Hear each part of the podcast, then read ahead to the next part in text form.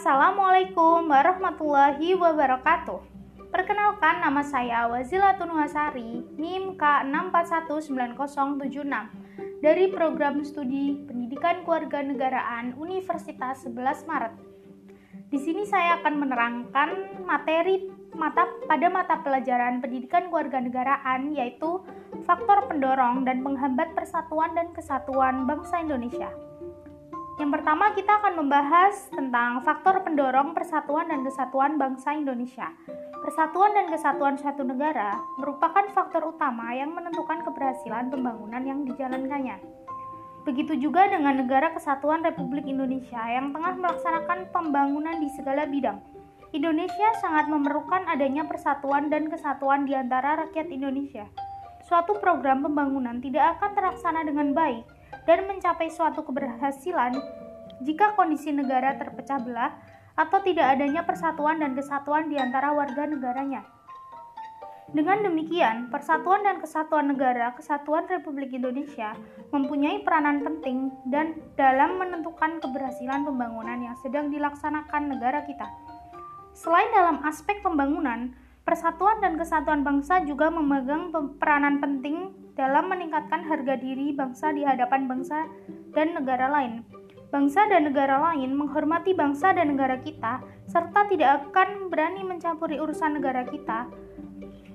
Bangsa dan negara kita tidak akan mudah diinjak-injak oleh negara lain jika seluruh lapisan masyarakat memperkuat persatuan dan kesatuan bangsa.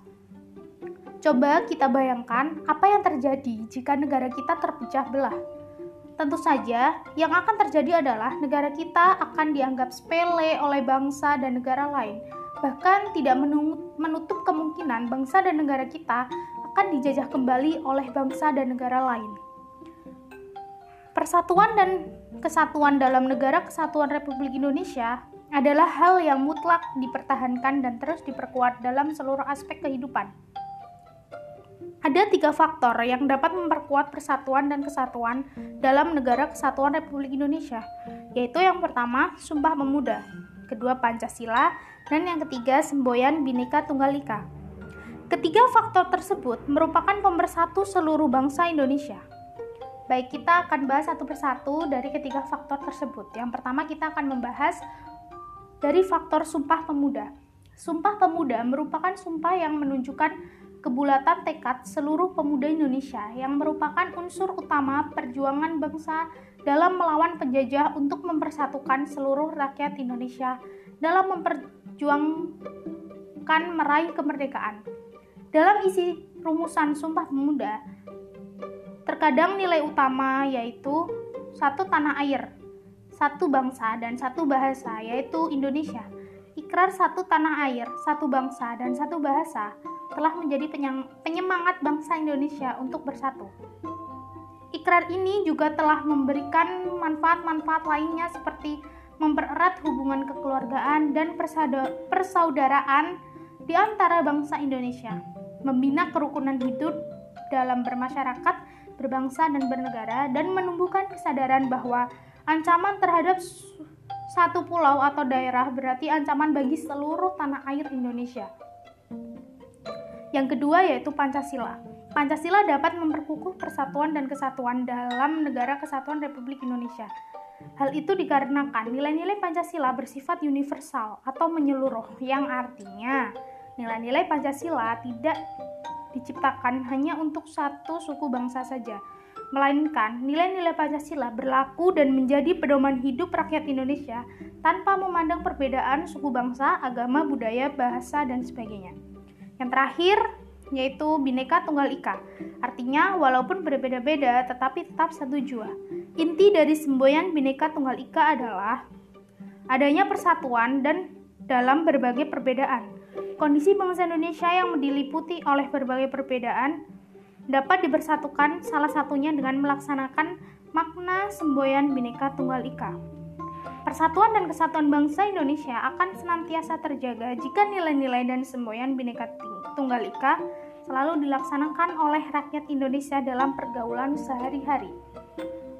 Selanjutnya kita akan membahas tentang faktor penghambat persatuan dan kesatuan bangsa Indonesia. Sebagaimana telah diuraikan pada bab sebelumnya bahwa persatuan dan kesatuan bangsa Indonesia merupakan syarat mutlak untuk memperoleh kemajuan bangsa. Akan tetapi, dalam kenyataannya, kita sering melihat berbagai peristiwa yang mencerminkan gejala perpecahan bangsa, seperti kerusuhan antar pendukung klub sepak bola, contohnya demonstrasi yang diwarnai aksi kekerasan dan kericuhan, konflik antar suku, dan sebagainya. Faktor-faktor yang berpotensi menjadi penghambat kuatnya persatuan dan kesatuan bangsa Indonesia yaitu yang pertama, kebinekaan atau keberagaman pada masyarakat Indonesia.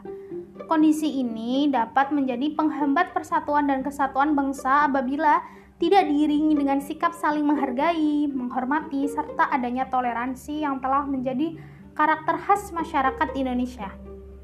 Keberagaman tersebut dapat mengakibatkan munculnya perbedaan pendapat yang memicu lepas kendali, tumbuhnya perasaan kedaerahan yang berlebihan yang dapat memicu terjadinya konflik antar daerah atau antar suku bangsa.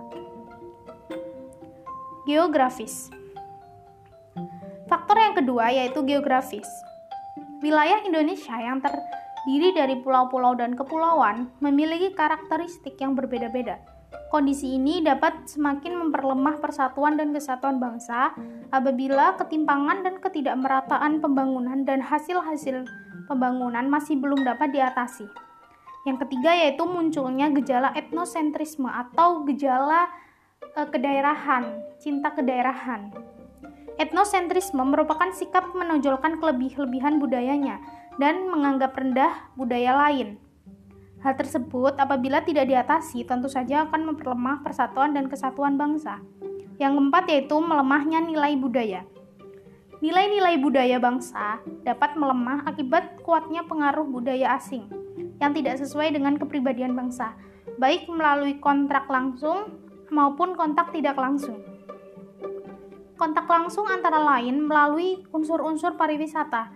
Kontak tidak langsung antara lain melalui media cetak seperti majalah, tabloid, atau media elektronik seperti televisi, radio, film, internet, dan lain sebagainya. Yang kelima yaitu pembangunan yang tidak merata. Proses pembangunan yang terpusat di wilayah-wilayah tertentu dapat menimbulkan kesenjangan dalam berbagai bidang. Hal tersebut apabila tidak diselesaikan dapat memperlemah persatuan dan kesatuan bangsa. Baik, demikian materi yang dapat saya sampaikan. Semoga bermanfaat bagi kita semua. Kurang lebihnya mohon maaf. Wassalamualaikum warahmatullahi wabarakatuh.